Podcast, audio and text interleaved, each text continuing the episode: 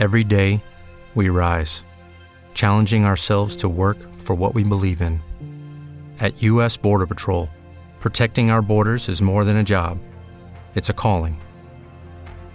Agents answer the call, working together to keep our country and communities safe. If you're ready for a new mission, join U.S. Border Patrol and go beyond. Learn more at cbp.gov/careers.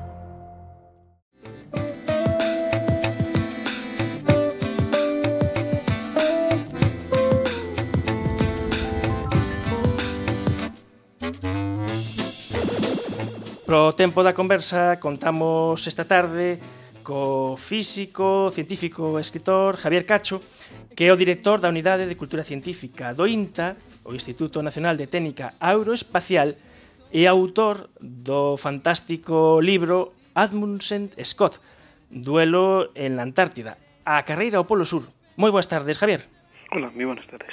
A carreira polar é unha das últimas exploracións que viviu a nosa civilización. Sí, sin lugar a dudas. Yo a veces comento que después de alcanzar el Polo Sur ya no nos quedaba nada sobre la Tierra. Lo único salía al espacio y llegar a la Luna. O sea que efectivamente estamos ante eh, la última gran epopeya eh, de exploración en el planeta. Porque en 1909 se podía pensar que estaba toda a Terra conquistada, toda non, quedaba un anaco de planeta ou anaco máis ao sur Sí, efectivamente. Solamente quedaba el, Polo Sur, bueno, en, en, realidad toda la Antártida. La Antártida, ese inmenso continente de 14 millones de kilómetros cuadrados, eso es como 30 veces la superficie de España, era prácticamente desconocida. Se conocían solamente parte de los bordes de las costas, una parte, ni siquiera todos. Era un desafío verdaderamente impresionante que creo que difícilmente nos hacemos idea en estos momentos. Porque hay eu coido que tres grandes protagonistas, porque os evidentes eh, son o noruegués Admundsen, eh, o inglés Scott, que foron esas, esos dous equipos que termaban por a ver quen chegaba primeiro ao, ao Polo Sur, pero penso que tamén a Antártida com, como continente, como terra inhóspita e descoñecida tamén é outro protagonista. Sí, me imagino que estás pensando en Shackleton.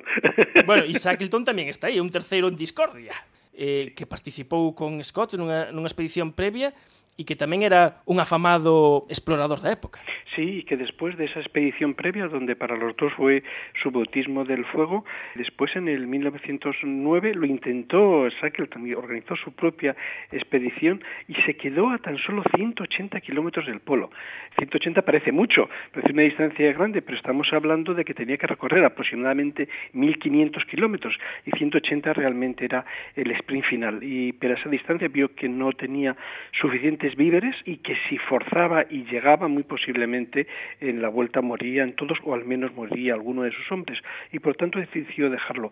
Sí, sí, realmente hay que darle un lugar de honor a Shackleton en toda la aventura de, de llegar al Polo Sur. E Shackleton abriu unha vía que foi a que logo exploraría Scott e iso obligou a Amundsen a probar unha vía inédita. Sí, la verdad, Amundsen le echó muchísimo valor. No quiso utilizar la ruta que ya había descubierto Shackleton, que fue la que luego siguió Scott, y decidió buscar una suya propia. Eso fue un desafío tremendo, mucho más pensando que estaban en una carrera una carrera, el que llegaba el primero es la que se iba a llevar la gloria, el segundo nadie se iba a cortar de él. Unha carreira na que en principio había un participante claro que era Scott que ia estar só nesta conquista do, do Polo Sur e de repente ah, Amundsen, que debía estar polo Polo Norte, enganou a todo o mundo, ninguén o sabía, e, e cando se embarca no seu barco o Fran, incluso a propia tripulación pensa que van ao Polo, ao Polo Norte e cambia rumbo. Sí, verdaderamente yo creo que esa es, eh, digamos, la grandeza, el interés de la conquista del Polo Sur. Y efectivamente, Scott preparó durante un par de años su expedición y de repente le salió un competidor, lo que nadie esperaba. Él esperaba intentarlos, intentarlo solo, igual que había hecho unos años atrás, igual que hizo Shackleton, pero de repente apareció en la lid eh, Admundsen. Admundsen había intentado, tenía preparada su expedición para llegar al Polo Norte cuando de repente le llega la noticia de que ha llegado ya otro explorador. No solamente otro, sino dos grupos de exploradores distintos, Peary y el doctor Cook bueno, que incluso se pelean entre ellos por ver quién ha llegado y quién uh -huh. no ha llegado. Entonces él decidió cambiar objetivo rápidamente y en secreto, en secreto decide acometer el, la conquista del Polo Sur. Todo un risco porque eh, incluso a xente que patrocinaba a súa expedición que era moi costosa e que podía leválo a bancarrota, eh, non sabía realmente onde se dirixía. E os caracteres sí. do, dos dous eran moi diferentes e expedicións moi diferentes.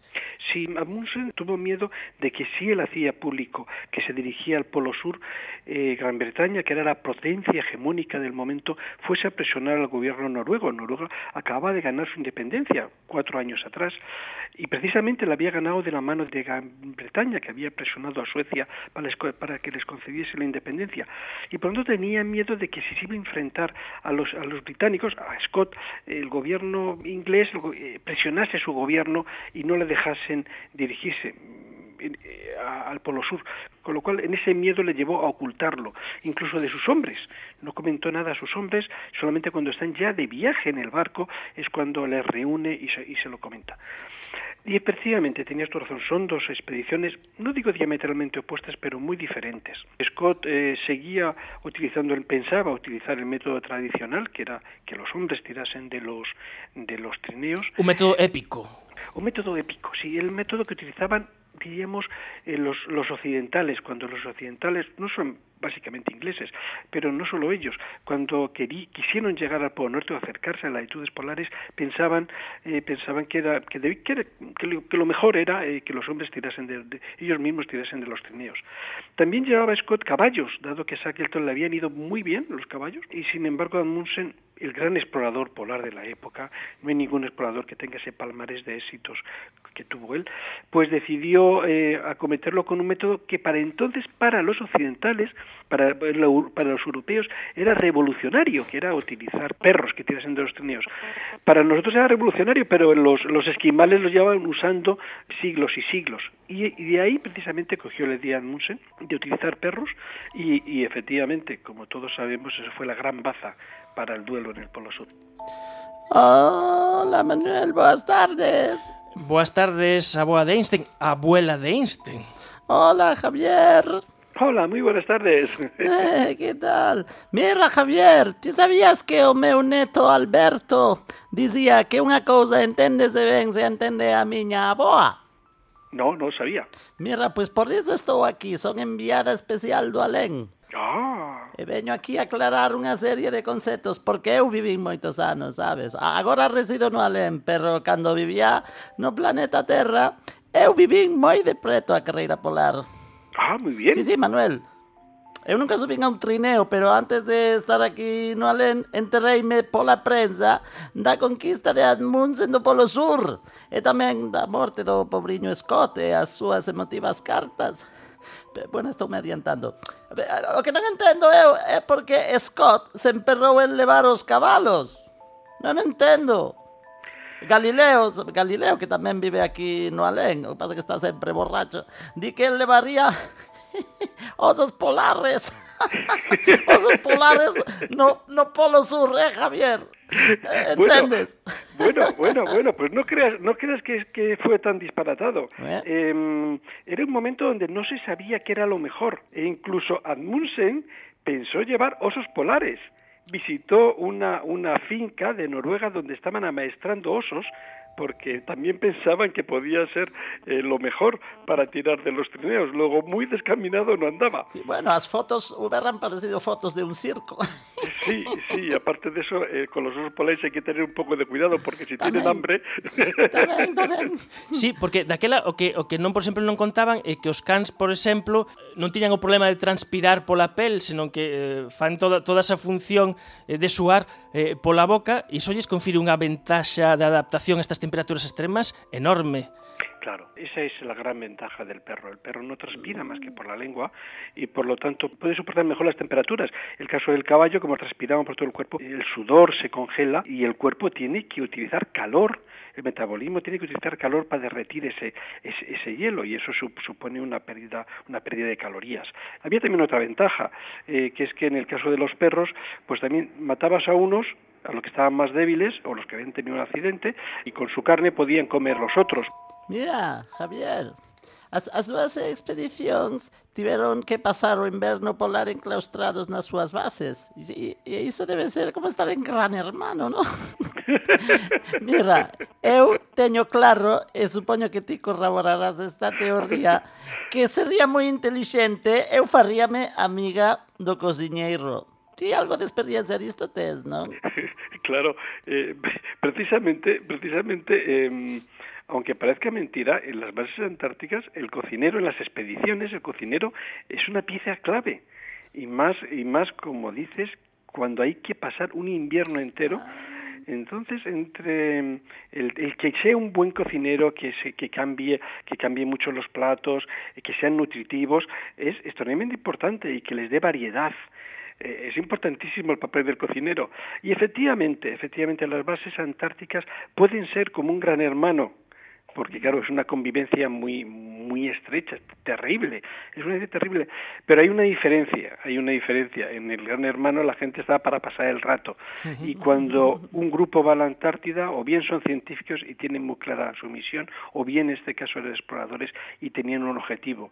Esa actitud eh, hace que el comportamiento sea siempre muy distinto, nunca pierden de vista el papel que van a representar ahí, no están ahí para pasar el rato. Además, el cocinero que tengas chaves de donde se guardan los chupitos ¿no? Bueno, eh, esas cosas en, en son importantes, tiempos, Manuel. animan a morar a morar ahí da expedición. En Antártida, ¿sabes? En aquellos tiempos se fumaba mucho, se fumaba mucho y, y se bebía también mucho. Ay, agora non sei se deixarían fumar na Eh, bueno, bueno, en las bases, base. Eh, en las bueno. bases antárticas eh, la española sí, ya, está, está ya no dejan fumar. Hay ah. que salirse fuera para fumar. Luego, la verdad que fuman mucho menos. Claro, de, deixan todos de fumar. Claro, eso, eso Javier, ademais, o sabe ben cando falamos de coñecer como son as bases actuais na Antártida, porque ele estivo eh, en varias ocasións, eh, mesmo chegou a ser o xefe da base antártica española Juan Carlos eh, I pioneiro e supoño que cambiaría moitas cousas desas expedicións pioneiras o que é actualmente os medios que se dispón, inda que un ambiente sigue sendo totalmente inhóspito, eh, supoño que debe ser outra cousa. Evidentemente ha cambiado mucho ha cambiado mucho eh, todo, la ropa, la alimentación y, y sobre todo las comunicaciones. Yo incluso la primera vez que fui a la Antártida fue hace 25 años y en aquel momento para hablar con mi mujer hablábamos por radio y se entraba todo el mundo evidentemente. Era el único medio el único medio de comunicación que teníamos. Y ahora sin embargo puedes tú tienes tu correo electrónico y puedes chatearte con los amigos luego luego eso ha cambiado todo. Eh, pero sin embargo la Antártida sigue siendo la misma. Cuando los hombres eh, los científicos en este caso ahora mismo van a la Antártida saben que se quedan aislados del mundo. Eh, saben que están en una base pequeña, efectivamente podrán hablar por teléfono o por radio, dado que tenemos satélites dando cobertura, eh, pero si les ocurre algo y si es invierno es imposible sacarlos de allí. Eh, por lo tanto, tienen que formar una piña y tienen que saber que todos los problemas que surjan lo van a tener que resolver entre ellos mismos. Eso crea un espíritu de colaboración y eso crea un respeto entre ellos.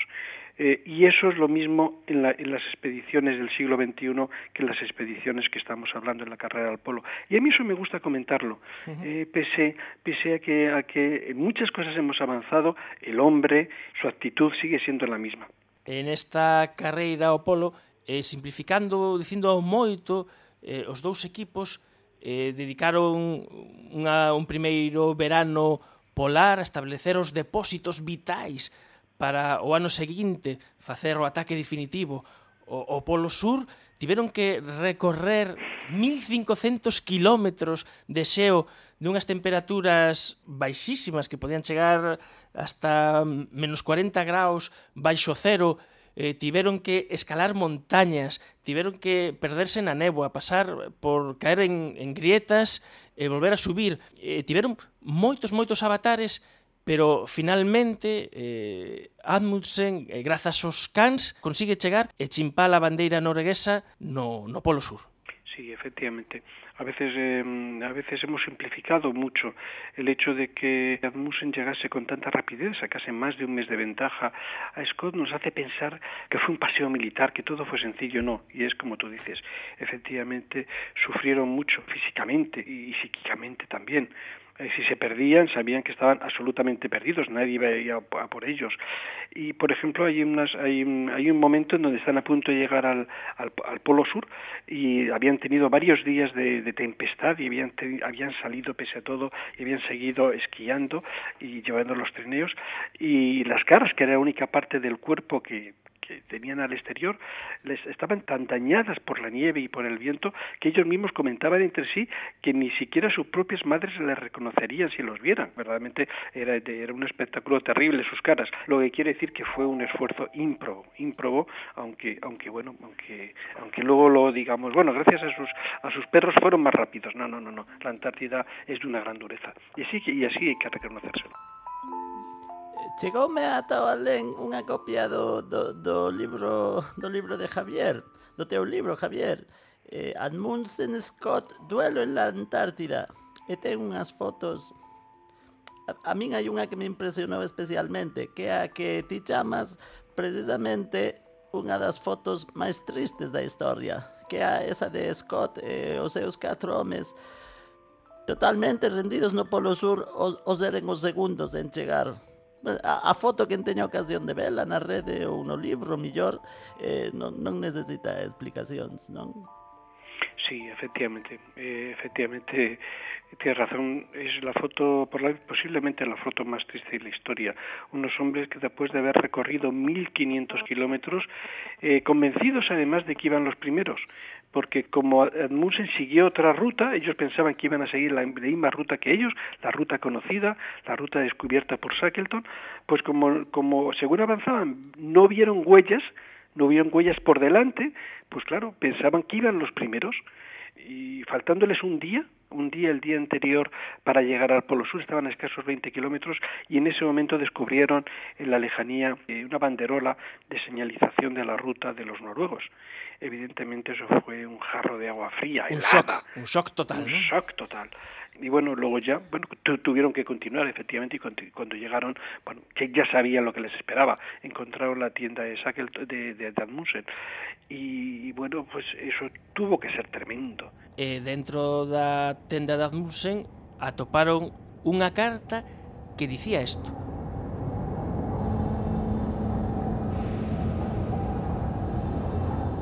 Estimado Capitán Scott, Como vostede será probablemente o primeiro en chegar ata aquí, logo de nós, podo pedirlle que envíe esta carta adxunta ao rei Jaacón VII. Se os equipos que temos deixado na tenda poden servos de algunha utilidade, non dubiden tomalos. Cos meus mellores votos, desésolle unha feliz viaxe de regreso. Reciba un cordial saúdo. Roald Amundsen.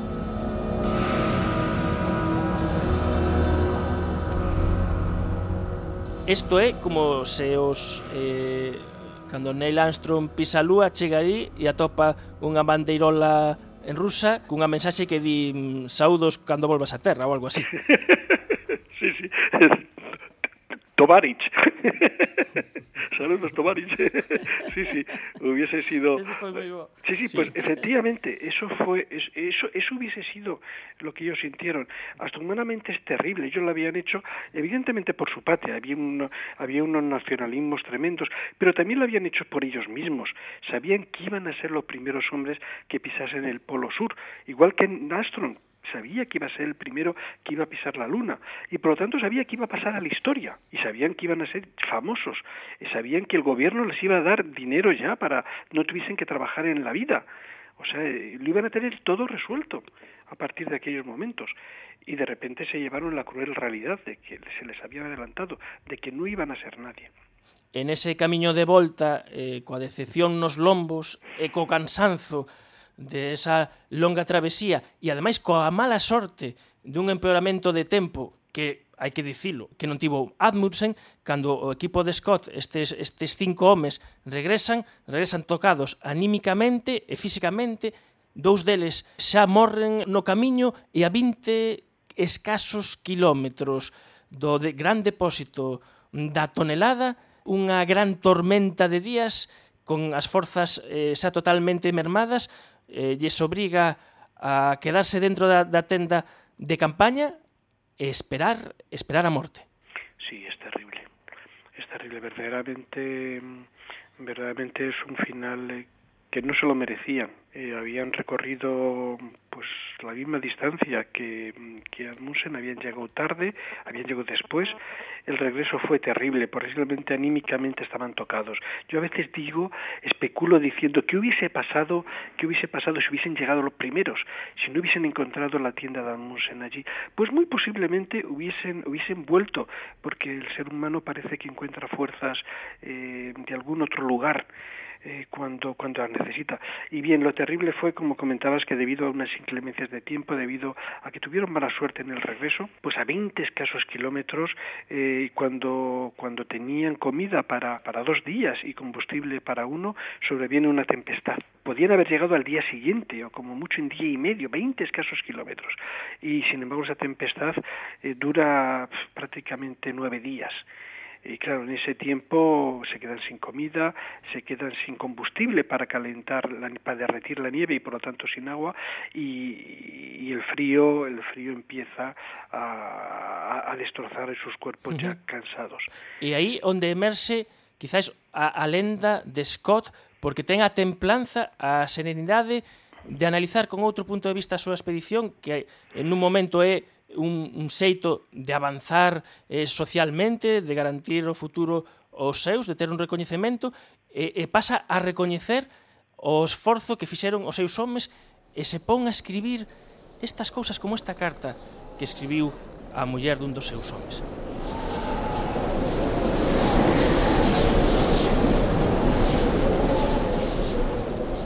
A miña querida señora Wilson Se esta carta chega ás súas mans é porque Vile máis eu teremos marchado xuntos deste mundo. Estamos moi preto do final e gustaríame que soubese o extraordinario comportamento que tivo ata o último momento, sempre animoso e disposto a sacrificarse polos demais. Nunca me dirixiu unha verba de reproche por telo metido nesta lea. Afortunadamente, con excepción de pequenas molestias, non está a sufrir. Nos seus ollos brilla un azul especial de esperanza e a súa alma está serea pola seguridade que lle dá considerarse parte da gran orde divina. Non podo ofrecerlle outro consolo alén de dicirlle que morreu como a viviu, como un home valente e enteiro, o máis leal dos compañeiros e o máis leal dos amigos. Con todo corazón. Acompaño na súa dor. Robert Falcon Scott.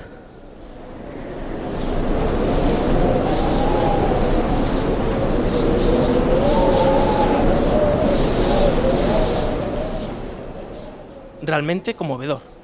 Es conmovedor, es una carta conmovedora y hay que pensar cómo la escribió se estaban muriendo de hambre, de sed y de frío.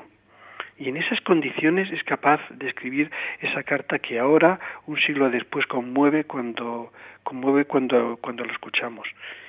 Y ese final desgarrador, por el amor de Dios, cuidar de los nuestros, en aquellos tiempos no había seguridad social y entonces si moría el padre de familia, la mujer no trabajaba, estaba condenando a la, a la, a la mendicidad, a, a, la beneficencia, a vivir de la beneficencia a, sus, a, toda su familia.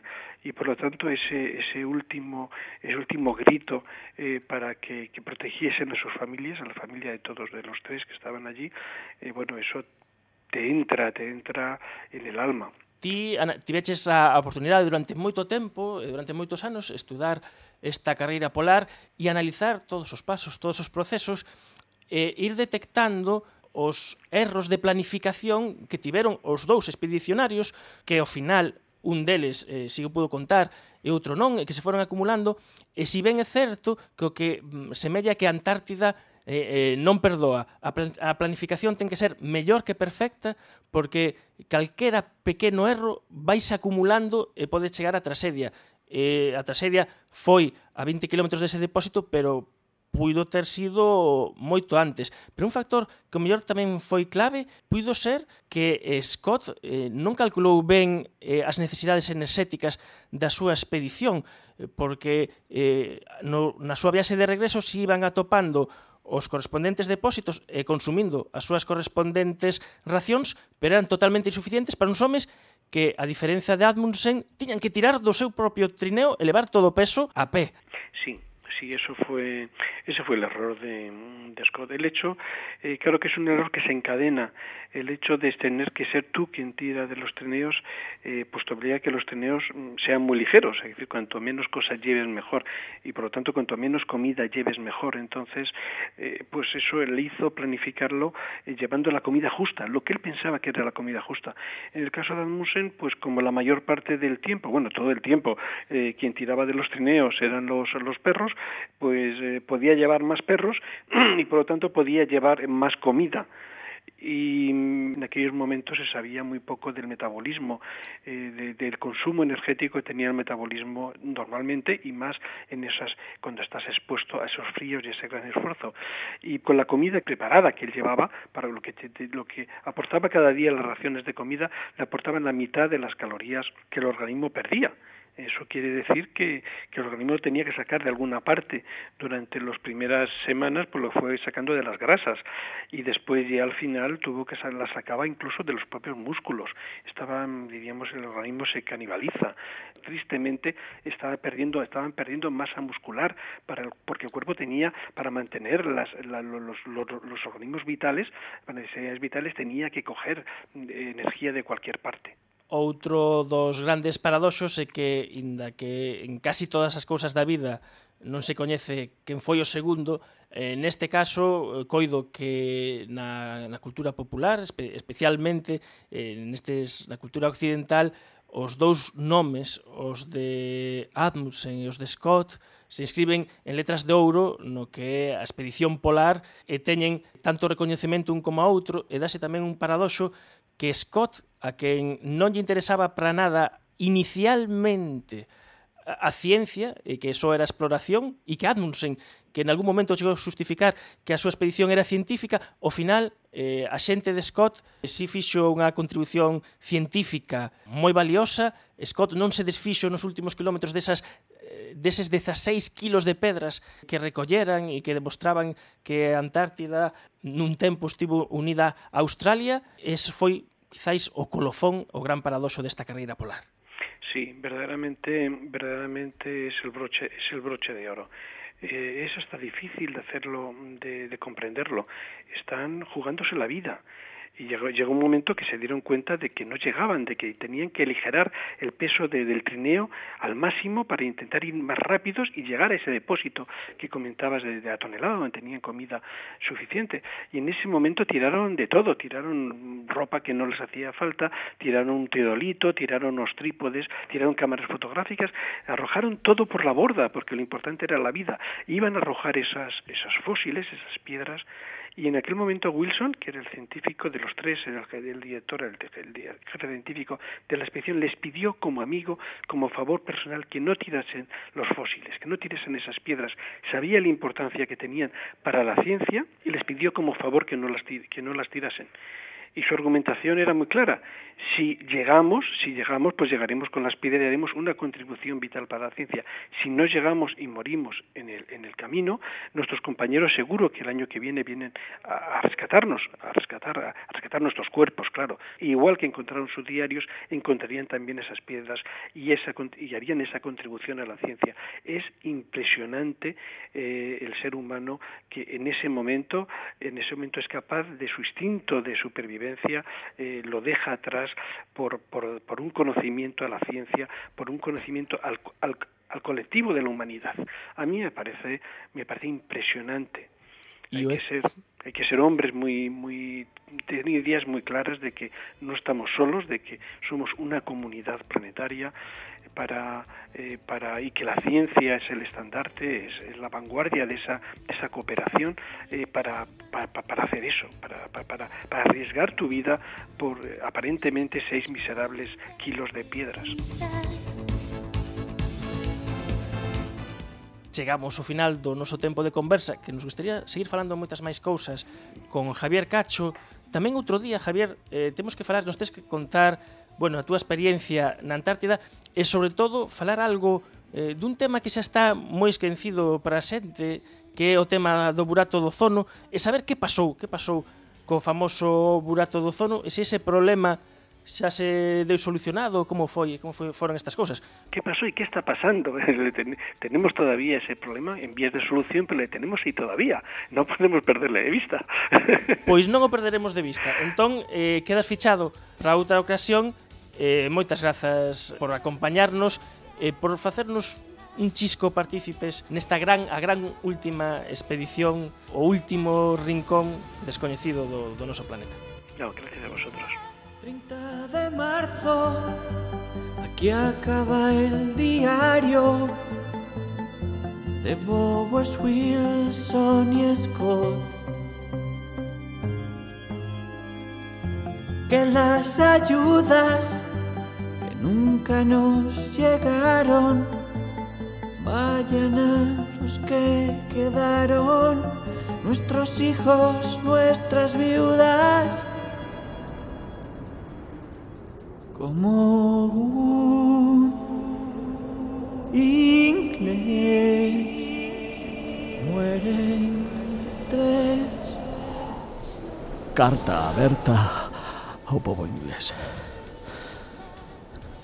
De termos vivido, habería podido contar unha historia que falase da audacia, a enteireza e coraxe dos meus compañeiros que tería conmovido o corazón dos ingleses. Terán que ser estas improvisadas notas e os nosos cadáveres os que a conten.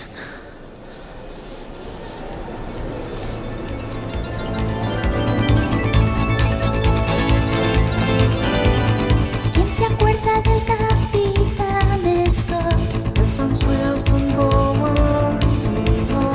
se acuerda del capitán Scott?